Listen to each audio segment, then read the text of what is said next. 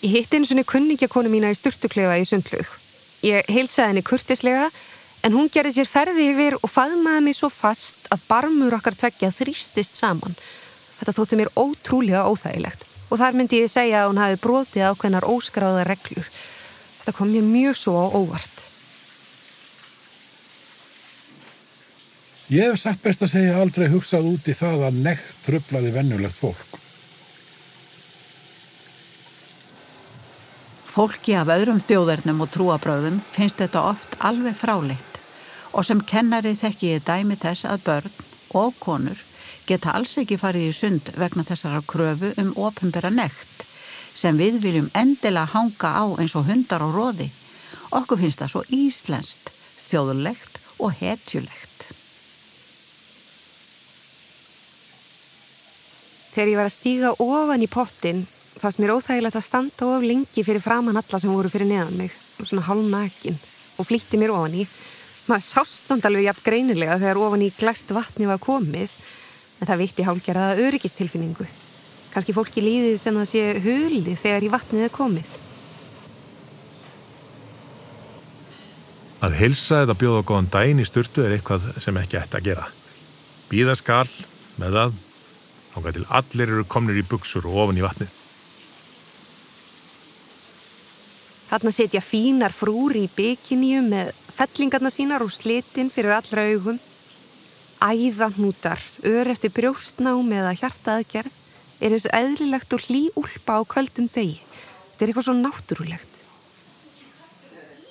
Það hefur ekki annað en góð áhrif á samskiptu mín við aðra sundgesti að við erum öll í baðföttum og fylgjum sömu hreinlætisreglum. Allir gæta þess að fáinni sentimetrar aðskiljið þess að fáklætu líkama nema þar sem fólk er fyrir í nánum samböldum. Það er ekki nefn í undatekningatilfellum sem mér finnst óþægilegt að hitta einhverja personu svona fáklætt. Og í raun er það svo að þegar maður situr í heitum potti er maður í raun klættur í vatnið. Það er bara efri hluti líkamanns sem er upp úr höfuð, háls og herðar og stundum brjóst og meðan maður syndir er maður meira og minna allur klættur í vatnið. Aðeins höfuð, herðar og handleikir sem koma reglulega upp úr. Það sem ég kann helst að meta við það að vera aln upp við íslenska sundmenningu er svo normalisering á nekt og allskynns líkumum sem hún hefur leitt að sér.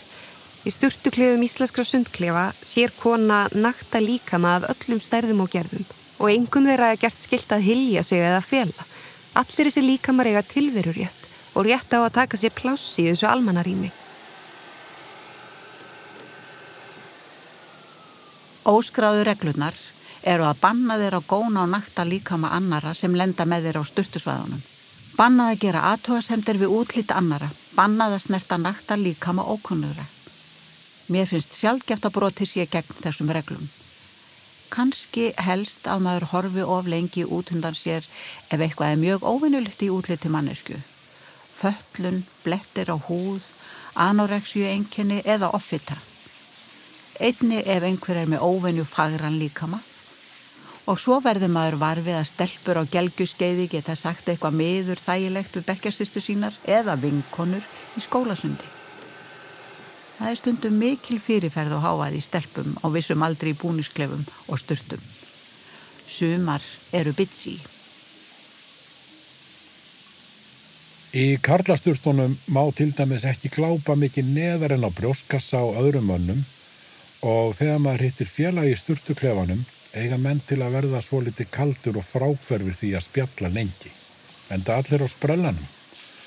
Þegar maður hýttir sama einstakling í heitapottunum er viðkomandi líklega mun meira til í spjall. Ég er alltaf frekar meðvituð um sjálfa mig þegar ég er að ganga millir svæða í lauginni, og til dæmis þegar ég er að ganga út úr klefanum í pottin, laugina eða á milli potta. Þegar ég komin ofan í pottin eða laugina þá er ég alltaf mun rólegri. Á sundbrautinni er ég frekar örug með mig, þar sem ég er fyrir um sundmaður og ágæðt í sundi. Vinkonu mín sagði að þetta væri eini staður um það sem að sæi fullt af öðrum nögtum konum. Og til dæmis með litla stelpur í kvennaklegunum, þar sjá þær alls konar líkama og finnst þetta öruglega mjög spennandi. Það er öruglega líka þess vegna sem stelpurnar í klefunum höfðu verið að skoða alla konunnar. sundlugaklefin er líka fyrsti og eini staðurinn þar sem að sé tískuna í kynfærarakstri.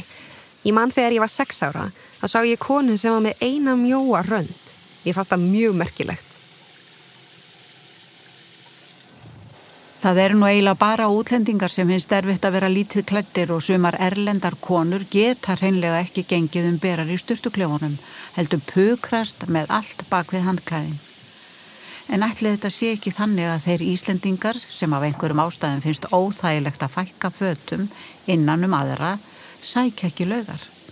Við sem sækjum laugar hugsum ekkert um þetta held ég. Eins og alltaf er áhugavert að sjá ferðamenning sundklifanum reyna að leina því netta áfalli sem við fáið að sjá alla þessa berrösuðu og ófeimlu Íslendinga og meðan þau sjálf rík halda í hangklæðin eða reyna að finna lokað skiptirými og sturtuklifa.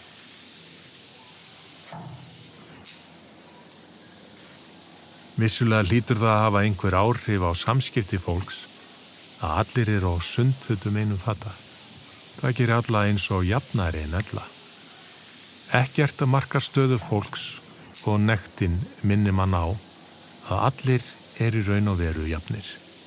Koma í heiminn alls naktir og allslausir og yfirgefa hann á sama hátt.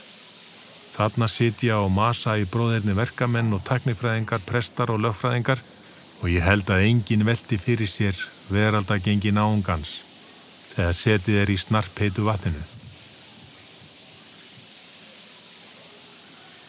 En ég veit um fólk sem forðast að fara í sund einungis vegna þess að meikar ekki þess að nekt.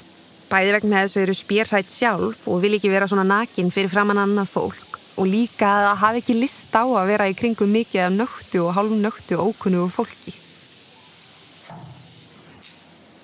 Maður sér alla mögulega kroppa í lauginu og styrtu og þannig lærist að vera víðsýn og umburðalendur gagvart útliti fólks. Svo er það líka eitt. Maður þekkir ekki fólki úr lauginni þegar það er full klætt. Það er eins og fólki sé að fara í annað gerfi. Ég held að sé gott fyrir fólk, sérstaklega konur sem mikill þrýstingur er á um útlit og slíkt. Að sjá að konur eru alls konar í læginu og að það er fallegt. Líka minn breytist með aldrinum, barnignum og slíku og að á hverjum tíma er eitthvað viðan sem er gott. Og sundferðir, þar sem við sjáum fullt af allsburu alvöru fólki, getur verið leið til að minna okkur á þetta. Ég frái að komast í sund. En til þess að komast í vatni þarf ég að upplifa að fólk stara á mig. Er að gríma mér, aðrir horfa á mig með viðbjóði eins og ég sé smítandi. Og þetta er bara í styrtuklefanum. Ég feit. Svo þarf ég að ganga áhorfendapallin, eins og ég kalla, til þess að komast í laugina. Ekki horfa á mig eins og viðundur. Ég er bara að reyna eins og þig að njóta þessa dásamlega vass sem við eigum í okkar laugum. Við skiljum spjærhæðslu og feimni eftir frammi. Við erum allar eins inn við beinið og eins vel af Guði gerðar og mögulegt er. Hver kona á sinn skáp? Þetta reyndar meira viðmið en regla en kemst fljótt upp í vana. Maður sér hver á hvaða skáp eftir nokkra morgna í klefunum. Allir þvó sér í styrtunni, allir. Í styrtuklefunum eru nokkra konur sem eiga sína ákveðna styrtu. Þá er sérstaklega einn sem fylgir því fast eftir að baða sig aðeins í hornsturtunni hægra megin og maður lifandi hún baða sig. Það fylgjaði nefnilega aðra reglur að vera nakin í sundlugasturtu en annar staðar. Allavega hjá henni blessaðri. Hún nýti sér það óspart að sundlugarnar séu með auðtanáleikjandi pípulagnir í sturtuklefunum og notar þverlagnirnar sem fóðstig þegar hún þvær á sér sitt allra heilagasta á milli fóta sér og hún skulpar eins og enginn sé morgundagurinn. Ef ég er í sturtu þegar hún er að þóa sér, snýi mér vanalega í hina áttina. Þetta er full mikið af því góða fyrir mig.